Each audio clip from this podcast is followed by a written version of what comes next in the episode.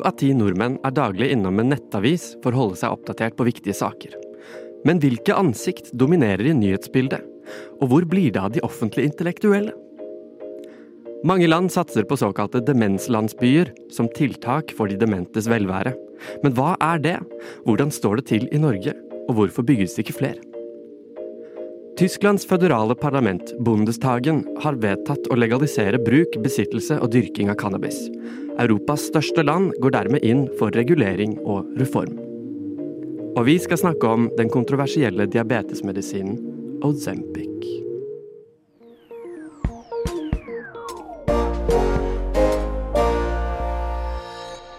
Hallo! God fredagsmorgen. Du hører på Opplysningen 99,3 her på Radio Nova. Mitt navn det er Benjamin Nortemø, og det er jeg som har den eh, fantastiske æren av å være eh, programvert i dag. Jeg skal lose dere gjennom dagens eh, sending. En uh, litt uh, snakkeheavy sending. Vi skal mm -hmm. uh, mene kan, Formode. Formode, synse, mene. Formode, synse, mene, og dermed um, kanskje hjelpe deg litt på veien til å ja, finne ut hva du skal mene om disse forskjellige tingene. Med meg i studio har jeg Anders Christian Norum, hallo. God morgen, Benjamin. Jeg har på min venstre flanke Frida Kristine Mogård, hallo. God morgen, Benjamin. God morgen. Og her borte sitter Britta Pence, god morgen. God morgen. Har dere hatt en fin uh, morgen så langt? Jeg har hatt en veldig kaffetung morgen. Det vil si en kaffe, kaffespekka morgen. Kaffespekka morgen. Kaffespekka morgen. Uh, så det, det, vil jeg si en god morgen, det. Det pleier å være en god morgen for meg også. Uh, hvor mange kopper dypt er du nå inni Jeg tror allerede jeg er på fire. Det, er litt, det syns jeg er litt tidlig. Så det lukter krasj rundt ett, ja. Men det, det er lenge til. Ja, lukter det krasj for deg, Frida? Nei, jeg er liksom sånn skikkelig sånn bare sånn naturlig sunn og frisk, og alt, så jeg trenger ikke kaffe for å liksom være oppegående og føle Nei da. Men uh, det har ikke vært noen kopper med kaffe, men en krasj, den kan allikevel. Krasjen kommer når ja. krasjen vil, tenker jeg.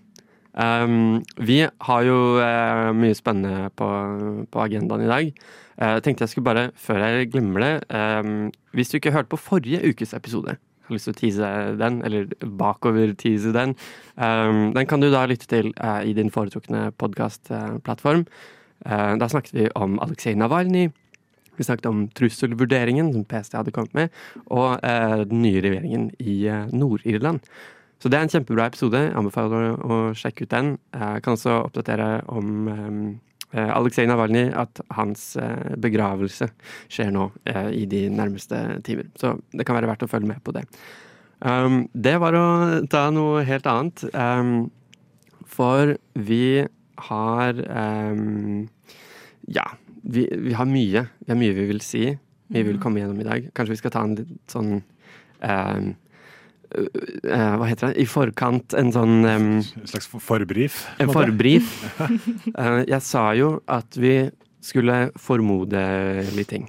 Um, og da går vi jo Det er ikke det at vi slutter å være journalister nødvendigvis, men um, da har vi ting vi ønsker å si, og hvis vi glemmer å si noe, så glemmer vi å si noe, på en måte. Ja. Eh, så liten ja, greie der. Anders? Jeg føler at vi er litt eh, Vi, vi eh, representerer jo litt de, de, vanlige studentenes meninger ja. på dette, føler jeg. Altså, vi, vi, skal jo innom en del ting som Hva skal jeg si um, det er mange viktige altså Jeg vil si alle sakene vi skal diskutere er viktige, og så er det noen som kanskje er mer alvorlige enn andre. Uh, Kjendisnytt for eksempel, føler at jeg kan synes og mene enda mer om en kanskje Osempic, men jeg syns vi skal få gode diskusjoner likevel. Så jeg, jeg ville hørt på hvis jeg hadde vært lytter. Håper det, Frida. Altså, Samtlige tema vi skal innom er jo litt interessante i den forstand at ingen av dem har et rett svar, vil jeg si. Mm. Det er litt sånn, litt sånn grå, grå, diskusjoner eller tema vi skal innom. Det er sånn Er det egentlig et rett eller galt svar på, på noe av dette? Så jeg tror, jeg tror det blir gøy. Det blir ja, Britta, tror du vi kommer til å komme nærmere å løse noen mysterier? Ja, kanskje. Jeg tror Apropos Kjendisnytt, så tror jeg ikke vi kommer til å være de medieintellektuelle. Mm. Men kanskje en liten god mellomting mellom eh, kjendiser som mener ting, og medieintellektuelle som mener ting. Mm. Wow. En gyllen middelvei der, altså. Mr. Speaker, I am a fighter and not a quitter. I have therefore spoken to His Majesty the King to notify him that I am resigning as leader of the Conservative Party. Opplysningen. Vi trekker oss ikke. Jeg lover. Det stemmer. Vi er Opplysningen, og vi trekker oss ikke. Vi har kommet til eh, dagens første materie. Um, vi skal da snakke litt om influensere uh, og uh, offentligheten, mediebildet, uh, persongalleriet generelt. Um, for å innvie oss nå i de mest elementære mysteriene, eh, nevnte jeg jo tidligere at syv av ti nordmenn er innom daglig en, en nettavis for å oppdatere, oppdatere seg på viktige nyheter. Så er det da en kronikk som har gått mye rundt. Um, som har tittelen 'Vi drukner i Kjendisnytt'. Eh, som ble publisert eh, i VG eh, 19.2. Så har debatten gått. Eh, selvfølgelig influensere. Det er noe man diskuterer og snakker om. Snakker om og mener mye om. Og de mener ting. Eh, så vi har kommet nå i studio for å egentlig diskutere et spørsmål, kanskje. Eh, er det slik Er det slik at influensere dominerer for mye i eh, mediebildet. Eh, Anders, har du en mening om det? Jeg, jeg, synes det, er, det er vanskelig, um, fordi et veldig lett tilgjengelig svar er jo ja. Um, det kommer selvfølgelig an på hvilke nyhetsmedier man ser på. Altså det, og det føler jeg også er en viktig aspekt i denne debatten, at dette, dette preger forskjellige nyhetshus og forskjellige aviser i, i forskjellig grad. Men det er klart at hvis du går inn på de store landsdekkende, om du vil kalle det tabloidavisene, da, altså særlig Dagbladet selvfølgelig, men også VG, så, så er du scroller jo ikke langt før du får i hvert fall én sak som da enten er på en måte at en influenser har driti seg ut, eller at en influenser mener noe. Um, så jeg vil si at det er vanskelig å komme unna at de helt klart er toneangivende. Uh, og det er vel kanskje det vi skal problematisere litt nå neste minuttene. Ja, for er det da også kanskje en annen En annen Unnskyld. Beklager litt, eh, litt hes.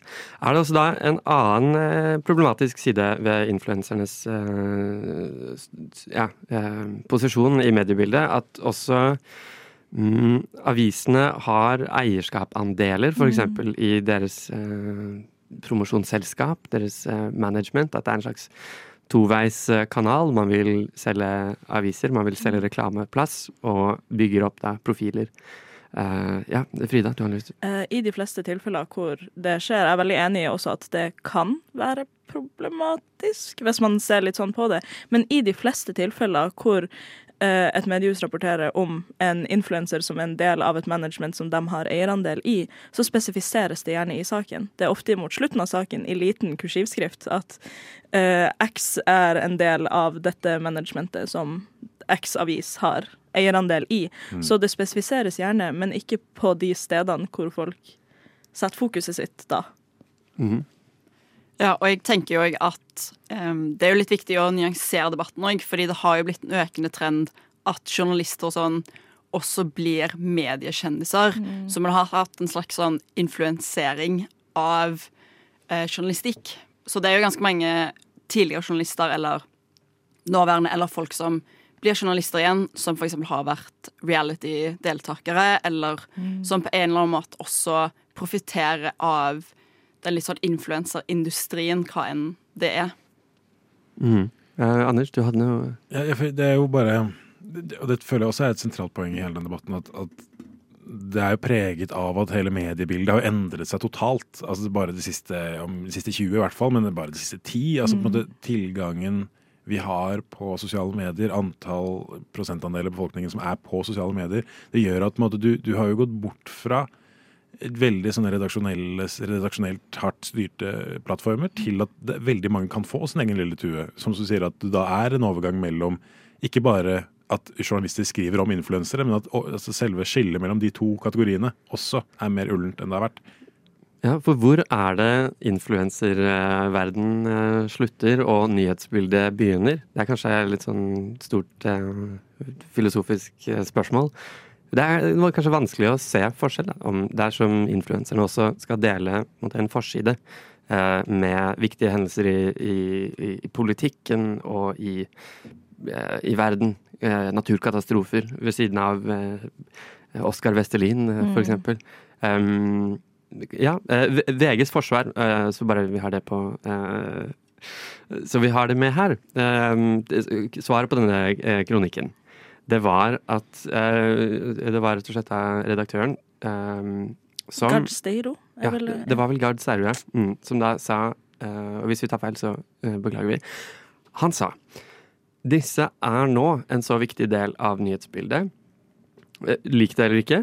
Right? Det var liksom argumentet. Lik det eller ikke. Um, så vi er, det er vårt samfunnsoppdrag å også dekke denne eh, delen av norsk samfunnsliv. Eh, sam, den liksom offentlige sfæren inneholder også alle disse eh, influenserne og, med, og eh, sosiale medier-personlighetene.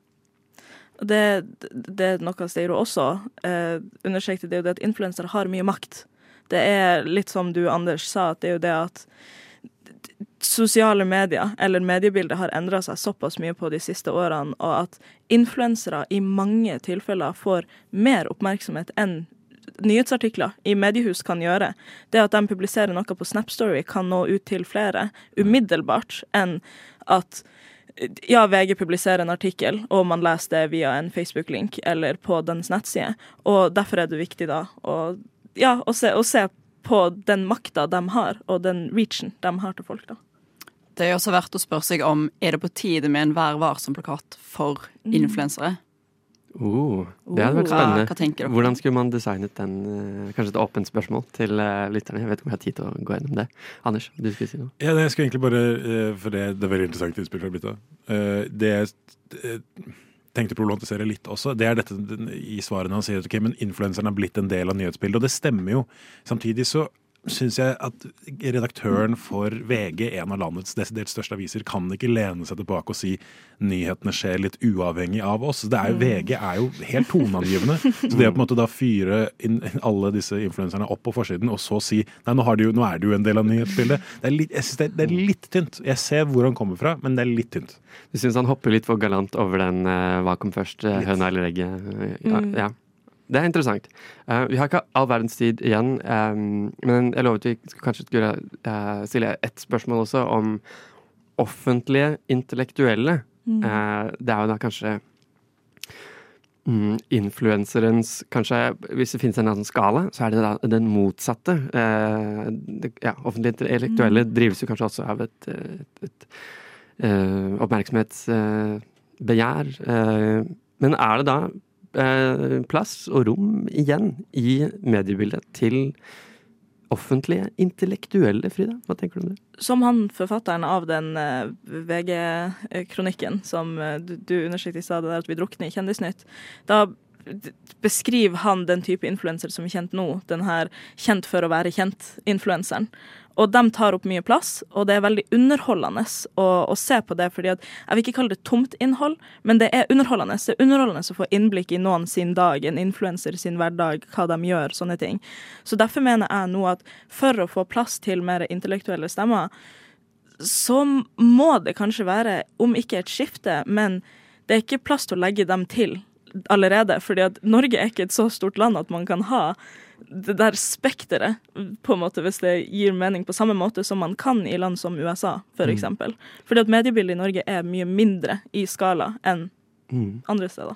Det er i alle fall et spennende klima eh, som du er koblet på dersom du er en av de syv, eh, ti, syv av ti nordmenn som leser en nettavis eh, i løpet av en dag. Det var alt vi hadde for eh, dette, eh, denne diskusjonen. Vi må runde den av her.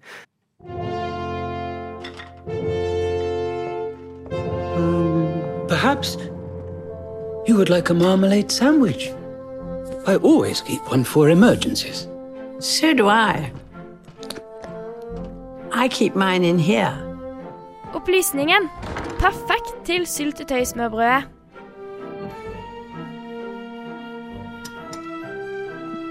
Det stemmer. Et syltesmørbrød Der var det et syltetøysmørbrød på min tunge. Um, det går bra. Vi har nå kommet over til neste materie. Eh, vi skal da snakke om eh, demens. Eller rettere sagt, eh, rettere sagt et tiltak. Eller en, en slags eh, Ja, eh, Frida, hva er en demenslandsby? Det er nesten så jeg sier bare vente og høre, Ja. egentlig. Kanskje det er så enkelt at uh, vi skal inn i et preprodusert innslag hvor Ja. vi får svaret på det, og eh, en del andre helt essensielle spørsmål om da demenslandsbyer. Veldig spennende. Det er da Frida Kristine Mogård som er reporter i denne saken. Hør med. Ved første øyekast ser kanskje den nederlandske landsbyen Hågeveik ut som hvert et tettsted. De har restauranter, kafeer, matbutikker, teater og puber. Beboerne lever sine tilsynelatende normale liv, kjøper matvarer, drar på kafébesøk og sosialiserer med andre beboere. Men ser man litt nærmere, så finner man ut at hver en ansatt i landsbyen, fra ansatte på matbutikken til servitører og frisører, alle er trent i demensomsorg. Samtlige 152 beboere i Hågeveik er nemlig alvorlig ramma av demens. I 2009 skrev Vivium Care Group historie. Sammen med arkitekter fra selskapet Burokade etablerte de verdens første demenslandsby. Det nederlandske selskapet fremma perspektivet om avinstitusjonalisering av denne omsorgen, og søkte etter en måte å frigjøre demensrammede, for så å inkludere dem i samfunnet. Dermed utvikla ideen om landsbyen Hågeveik seg. Behandlinga av demensrammede har lenge vært å plassere dem på syke eller gamlehjem. Her sitter man ofte innendørs store deler av dagen, og evnen til å sysselsette seg sjøl svinner hen. Ensomheten og håpløsheten som sykdommen bringer, kan påvirke dens utvikling, og flere studier viser at mental stimuli er en av de bedre måtene å bremse dette sykdomsforløpet. En av landsbyens grunnleggere, Jeanette Spiling, beskriver det hele slik. Du vil ikke være innelåst resten av livet, og du vil ikke leve etter organisasjonen sin rytme. Du vil ta dine egne valg, du ønsker fortsatt å leve, men du trenger støtte. Ved hjelp av slike demenslandsbyer ivaretar man deler av normaliteten i hverdagen. Livet får et formål, og man kan leve med nokså like rutiner som tidligere. På sin nettside beskrives Hågeveik som hvert et annet nabolag, og i dette tilfellet så er landsbyen en del av den større byen Veisp. Men landsbyen er ikke helt normalt i drift. Som nevnt er alle ansatte trent i demensomsorg. I tillegg så er ingen av varene i butikken priser, og det foregår ingen utveksling av penger. Pasientene bor sammen i hus basert på deres like livsstiler, og de kan sammen eller alene ferdes fritt i landsbyen. Det åpnes også kun opp for inntak av nye pasienter når tidligere beboere går bort. Dette revolusjonerende tilbudet har både vunnet og blitt nominert til flere priser, og de har fått internasjonal anerkjennelse av fagfolk i flere sektorer. Så om denne varianten av omsorgstjeneste er såpass banebrytende og bra for pasientene, hvorfor tilbys det ikke verden over? Det enkle svaret er Nederland er rask, resten av oss er treig. Hågeveik ble etablert i 2009, men først i sommeren 2023 skrev New York Times om tilbudet, hvor de beskrev det som fremtida innen hjemmepleie. I denne artikkelen fremmer de naturligvis den nederlandske modellen, men store deler av saken brukes på å fremme en annen, relativt ny landsby, nemlig den norske. I 2020 åpna Carpe Diem, det norske svaret på en demenslandsby, i Bærum. Med et bruttoareal på 18 000 kvadratmeter kan de tilby 156 langtidsplasser. Og i likhet med Hågeveik har de også grendehus, butikk, pub, klubber og andre velværetilbud. Like etter nyttår vant Carpe Diem innovasjonsprisen for inkluderende design i både arkitektur og landskapsarkitektur. Så hvorfor bygger man ikke flere slike landsbyer? Jo, man møter nemlig på visse barrierer. Først og fremst er det å utvikle og bygge nye nabolag som skal møte de spesifikke kravene for demensomsorg, dyrt. For det andre er man bekymra for den aldrende befolkninga, som kan føre til manglende omsorgspersoner for å opprettholde tradisjonelle institusjoner. Og siden demenslandsbyer krever enda flere ressurser, kan man her møte på manglende arbeidskraft og kompetanse. Til tross for disse barrierene har det det siste tiåret blitt et mye større fokus på alternative metoder for langtidspleie av personer ramma av demens. I 2014 beskrev The Atlantic Hoggevake som et Truman Show-aktig pleiehjem. En konstruksjon av det virkelige liv, der alle på utsida er klar over at landsbyen er tillaga, mens beboerne sjøl ikke er det. Hvorvidt man mener det her kan ha problematiske undertoner, får være opp til en sjøl. Men personlig kan jeg med sterk selvtillit påstå at om jeg blir ramma av demens om 50 år, og blir konfrontert med valget om å enten tilbringe mine siste år på et gamlehjem, eller ved å drikke kaffe på et riktignok konstruert sentrumstorg med mine venninner, så velger jeg uansett sistnevnte hver dag i uka. Og reporterinnslaget, det var eh, Frida Kristine Mogård du hørte der. Mr. Speaker, I am a fighter and not a quitter. I have therefore spoken to His Majesty the King to notify him that I am resigning as leader of the Conservative Party. Opplysningen. Vi trekker oss ikke. Jeg lover. Vi er eh, tilbake, og vi har nå eh, kommet eh, Vi skal ta et eh, svært eh, sprang vekk fra eh, demenslandsbyer til Tyskland. Og jeg leser fra Deutsche Welle. Eh, Tysklands Bundestag stemmer for cannabis-lovliggjøring. En, eh, et nytt lovforslag som ble eh, foreslått av eh, Tysklands nåværende trafikklyskoalisjon, det er de som har regjeringsmakten, skal tillate en begrenset mengde besittelse og dyrking av, av cannabis. Det fikk da altså flertall i Bundestag, og det går da mot at Tyskland, som er Europas mest eh, folkerike land, eh, går inn for eh, en ganske omfattende reform. Britta, har du fulgt med på dette? Ja, det har jeg. Det er jo verdt å merke seg at det blir en litt sånn aprilsnarr, kanskje 1. april. Fordi det her lovendringen skal jo tre i kraft da.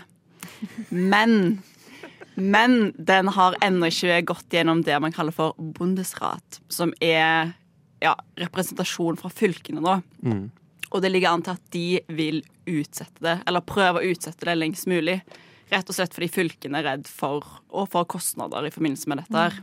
Mm. Akkurat hva slags kostnader har jeg ikke helt eh, oversikt over.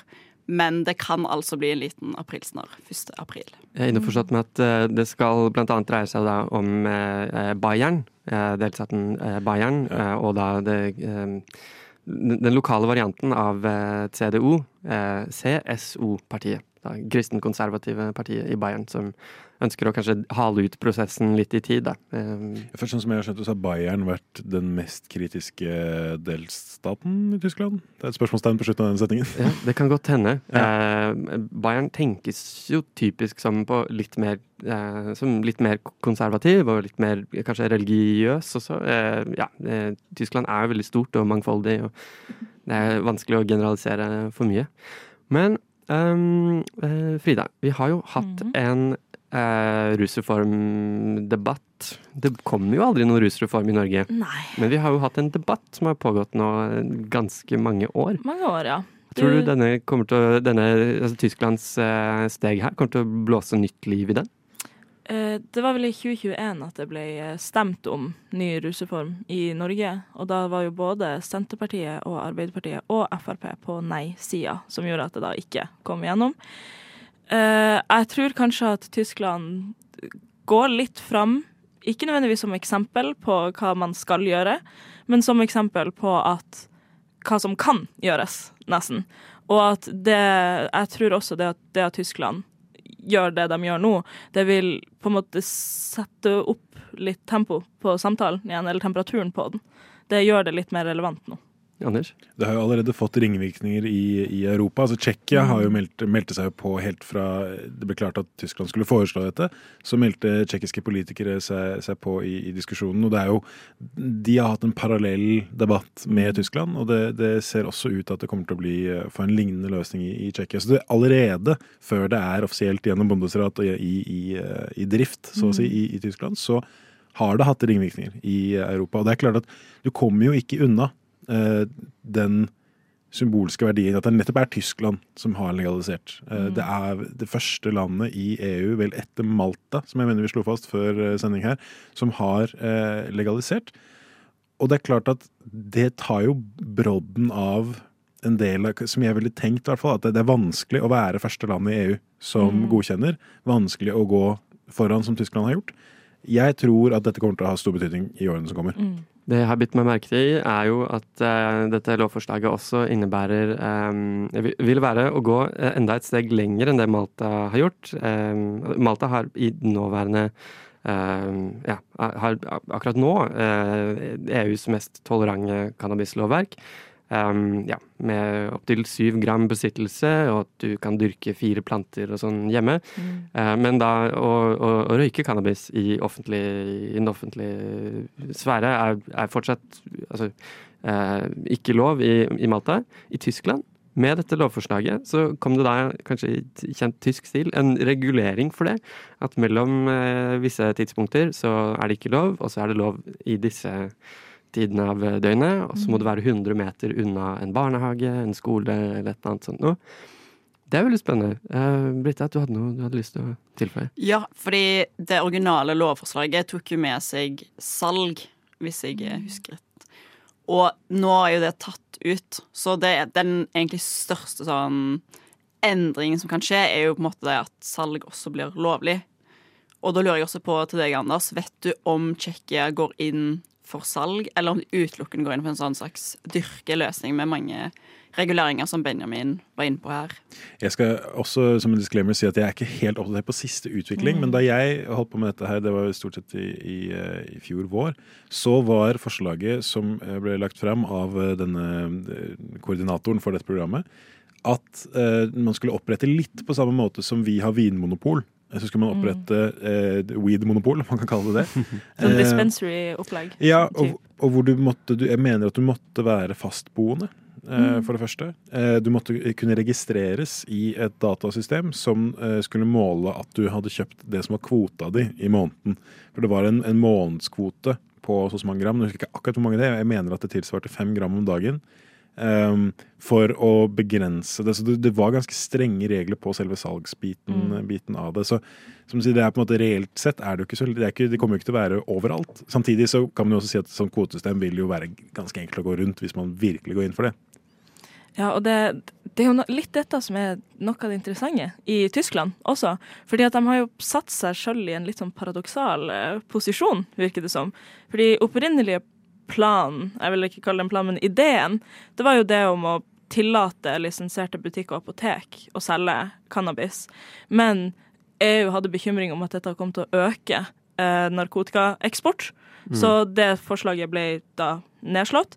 Og det gjør jo da at ved å tillate besittelse av ganske store mengder cannabis, for det var vel tillatt opptil 50 gram i privat, private boliger, da, og så var det 25 gram i offentlighet, vil jeg tro. Uh, at man kan ha såpass store mengder cannabis, men at det blir veldig vanskelig å kjøpe det, og det skal egentlig ikke være lov til å selge det heller. sant? Og det er jo denne komponenten som alltid er um, tricky å, å finne ut av. eh, Denne salg- og uh, kjøp-komponenten. det er jo uh, Generelt så går man jo i den vestlige verden, og på den vestlige halvkule også, særlig i eh, Amerika, nord og sør, mm. så har man sett da en, en liberalisering av eh, eh, ruslovverket. Eh, hvor da, meg bekjent, så er det bare i USA at man har eh, USA og Canada. At man har eh, noe sånn enkle hvor, hvor man har satt ned eh, forskrifter for å regulere liksom, salg- og kjøp-komponenten. da.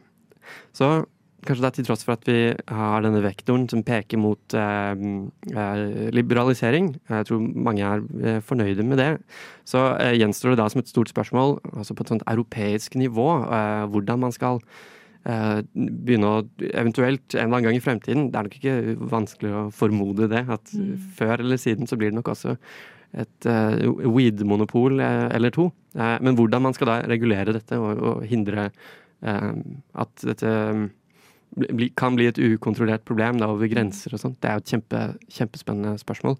Vi er rett og slett eh, eh, nødt til å runde av eh, den diskusjonen der. Doktor, doktor, hva feiler det meg egentlig? Jeg beklager å måtte fortelle at du er ignorant. Ignorant, sier du? Finnes det noen kur for det? Jeg kommer til å gi deg resept på 99,3 mg av opplysningen. Du må ta den hver fredag fra 10 til 11. Det skal jeg gjøre. Takk, doktor. Takk, doktor, ble det sagt her i, i vår eh, jingle. Vi har kommet nå videre til um, dagens siste uh, moment. Vi skal snakke om Ozempic. Ozempic er da legemiddelet som brukes til å behandle voksne med diabetes type 2 når diett og fysisk aktivitet ikke er ansett som tilstrekkelig eh, behandling. Det er eh, et slags sånn tilleggsverktøy for å behandle diabetes, og kan brukes både alene og, og, sammen med andre eh, diabeteslegemidler. Men det er kanskje ikke alt med Ozempic. For eh, Frida, Ozempic har jo også fått eh, stempelet som eh, kjendisenes slankekur. Ja. Eh, Nå ble jeg litt se og hør her. Men eh, right, hva, hva handler dette om, da? Ah, Det handler jo om at uh, det har kommet fram at kjendiser som Kim Kardashian, Elon Musk og hva, det er jo flere av dem, som har eh, begynt på Osempic da for å kunne gå ganske enkelt, greit og raskt ned i vekt. Og da gjerne i drastisk mengde også.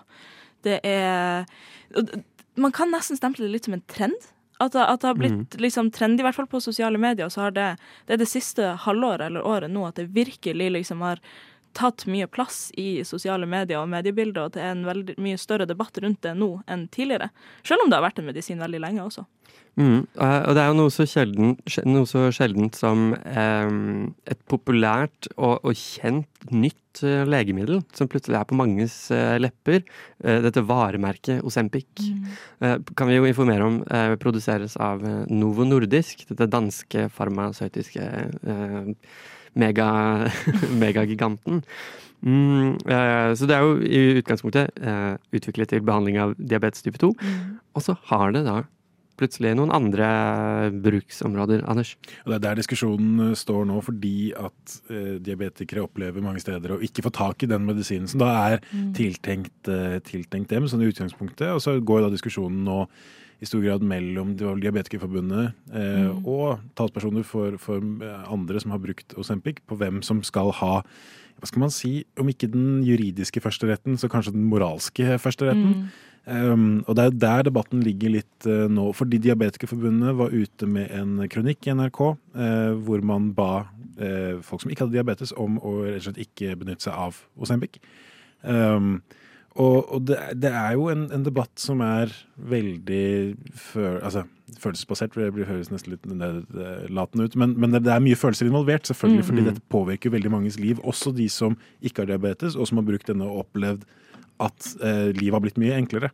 Um, fordi dette er jo ikke bare kjendisene som har brukt uh, Osempic for å gå ned uh, litt i vekt. Dette er jo også veldig mange såkalt vanlige mennesker som har gått ned 40-50 kilo og fått et mye bedre liv av, av det. Så der står jo konflikten litt akkurat nå.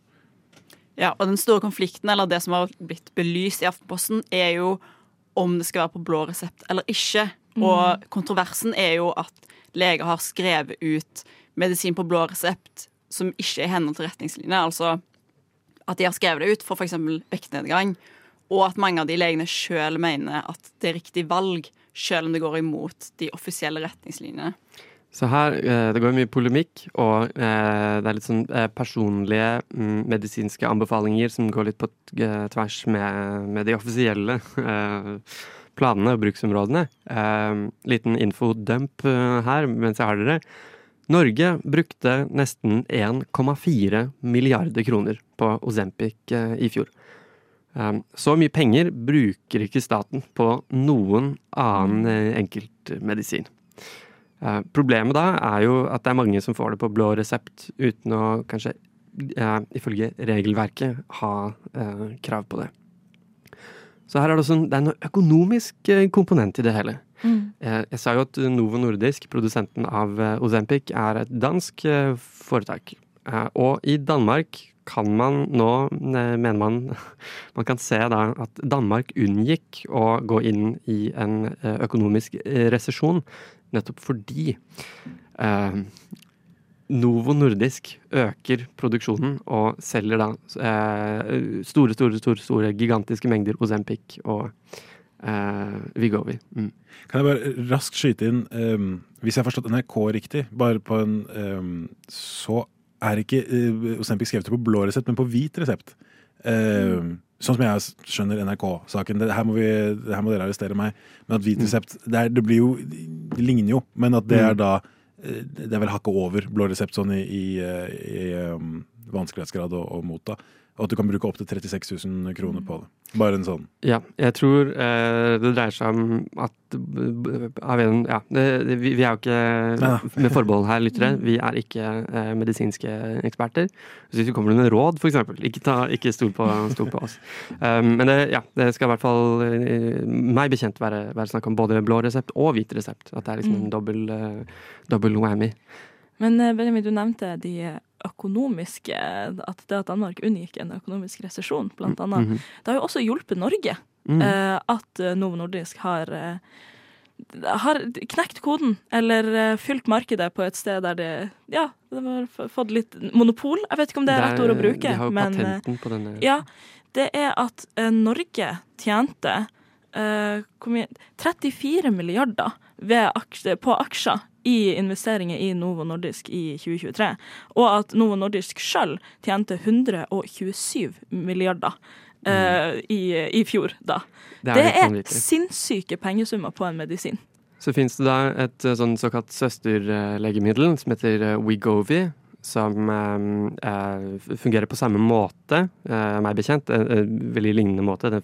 Eh, fremkaller eh, Eller simulerer et hormon, da, sånn metthetshormon, eh, som gjør at du eh, føler deg mett, rett og slett. Um, men i denne økonomiske sandwichen så er det Mm. også en eh, eh, Dette som ble, sagt, om, at det blir skrevet ut på, på feil grunnlag. Da. Disse feilforskrivningene har da kanskje også kostet staten en del. Eh, tapet blir jo gjort vel og vel og vel eh, opp med, med disse aksjepostene vi har. Men det er da eh, 340 millioner kroner det har kostet eh, staten. Bare for å oppklare dette her. Hvit resept betaler du sjøl. Så det du får foreskrevet medisinen, men du betaler sjøl. Blå resept er det som dekkes av staten, og det er det blå resepten, altså Sempic på blå resept, Ja. som er gjenstand for diskusjon, fordi staten betaler for det. Ja, men, men sånn som nettopp eh, Dette er igjen, jeg er på, jeg, er på tynn is, dypt vann, eh, kombinasjonen av de to. Eh, for jeg har sjekket, Aftenposten skriver også at blå resept det får du hvis du har diabetes type 2, Ja. eh, mens overvektige får det på hvit resept. Mm. Sånn som jeg har forstått det. Men ja. Det blir nok ikke siste gang du hører eh, verken ordet Ozempic eh, eller eh, blå og hvit resept, eh, for eh, dette polemikken kommer nok til å gå videre eh, inntil man finner en, en god løsning eh, på dette her. Så følg med i mediebildet, der blir det nok debatt eh, som fortsetter om dette her.